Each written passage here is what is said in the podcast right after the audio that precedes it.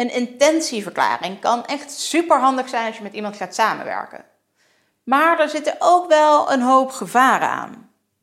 Want een intentie is natuurlijk alleen maar dat. Een intentie. Dus hoe hard zijn je afspraken eigenlijk?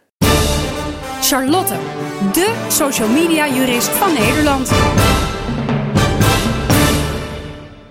Stel nou dat je met iemand wil gaan samenwerken, maar je bent er nog niet helemaal uit hoe je dat precies allemaal moet gaan regelen, hoe de verdeling gaat zijn, hoe de verhoudingen gaat zijn, wie er precies wat gaat doen. Misschien moet je nog wel een hoop uitzoeken voordat je daadwerkelijk aan de slag kunt. Nou, dan lijkt een intentieverklaring een heel erg goed idee. Daar zeg je allebei in dat je de intentie hebt om samen te gaan werken. Je schrijft waarschijnlijk ook het doel op van bijvoorbeeld de onderneming die je samen wil gaan oprichten. Of nou ja, andere intenties en doelen die je samen hebt. Wordt het bijvoorbeeld een gewone samenwerking? Of wil je er juist echt een gezamenlijke onderneming van gaan maken?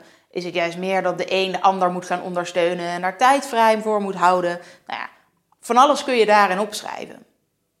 Het lastige is alleen, een intentieverklaring is eigenlijk alleen maar dat. De verklaring dat je een bepaalde intentie hebt. Dus nou, daar kun je natuurlijk al wel wat afspraken in maken. Maar wat nou als het op de een of andere manier toch mislukt? Je hebt misschien in de intentieverklaring wel een soort evaluatiemoment afgesproken. Je zegt, nou, dan gaan we bekijken of het allemaal haalbaar is, of ons idee levensvatbaar is, of we met elkaar wel verder willen. Nou ja, en dan ben je daar op dat moment. En dan nemen jullie misschien gezamenlijk de beslissing om toch niet verder te gaan. Of misschien wel nog veel erger, één van de twee neemt de beslissing om niet verder te gaan. Of als je met meerdere mensen die intentieverklaring hebt gesloten, sommigen willen wel verder, ander niet. Ja, en dan? Dan staat er in je intentieverklaring waarschijnlijk helemaal niks over het werk dat je tot dan toe al gedaan hebt. Wie mag er verder met het idee? Kijk, op een idee rust namelijk geen auteursrecht. Het concept is waarschijnlijk nog niet voldoende uitgewerkt om daar een auteursrecht op te kunnen krijgen. En jullie hebben daar wel allebei al veel tijd en energie in gestoken.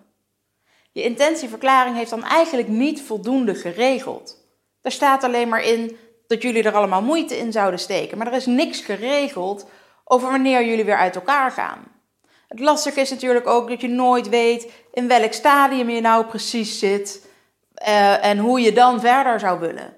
Je weet van tevoren helemaal niet of je de een nog wel verder zou willen zonder de ander. Je weet misschien ook nog helemaal niet wie er wat heeft ingebracht. Je bent immers alles nog juist aan het uitzoeken en het onderzoeken. Dus ja, een intentieverklaring is heel verstandig, maar kijk wel alvast welke afspraken je wel al goed kunt maken. En wat voor jou belangrijk is in die samenwerking, of ook als die samenwerking juist niet door zou gaan. Daarnaast moet je vooral bedenken dat je een evaluatiemoment wil bepalen en dat je die eigenlijk al vroeg genoeg neerlegt. Zodat je er nog niet te veel tijd, energie, moeite, misschien wel geld, ideeën, auteursrechten en wat dan ook al in die samenwerking zitten. En dat als het dan stuk gaat, dat je te weinig hebt afgesproken en te weinig kunt regelen over hoe dat nou moet als jullie weer uit elkaar gaan. Want als jullie ruzie hebben, nou, dan kun je er geen fatsoenlijke afspraken meer over maken. Dan willen beide partijen misschien wel meer dan waar ze eigenlijk recht op zouden hebben. En je wil er wel samen nog uit kunnen komen. Door juist vroeg dat evaluatiemoment te plannen, weet je waar je op dat moment staat, kun je intentieverklaring misschien al wat uitbreiden of er een ander soort contract van maken. Plan je misschien gewoon weer een evaluatiemoment in, zodat je elke keer wat steviger komt te staan in de afspraken die jullie gezamenlijk maken. Mocht je nou met iemand gaan samenwerken en heb je dus hulp nodig bij een intentieverklaring of misschien wel bij meteen een goed samenwerkingscontract, vraag je je af hoe je het juridisch moet gaan vormgeven. Gewone samenwerking, een VOF of ga samen in een BV? Bel of mail ons dan gerust. Ik help je daar graag bij.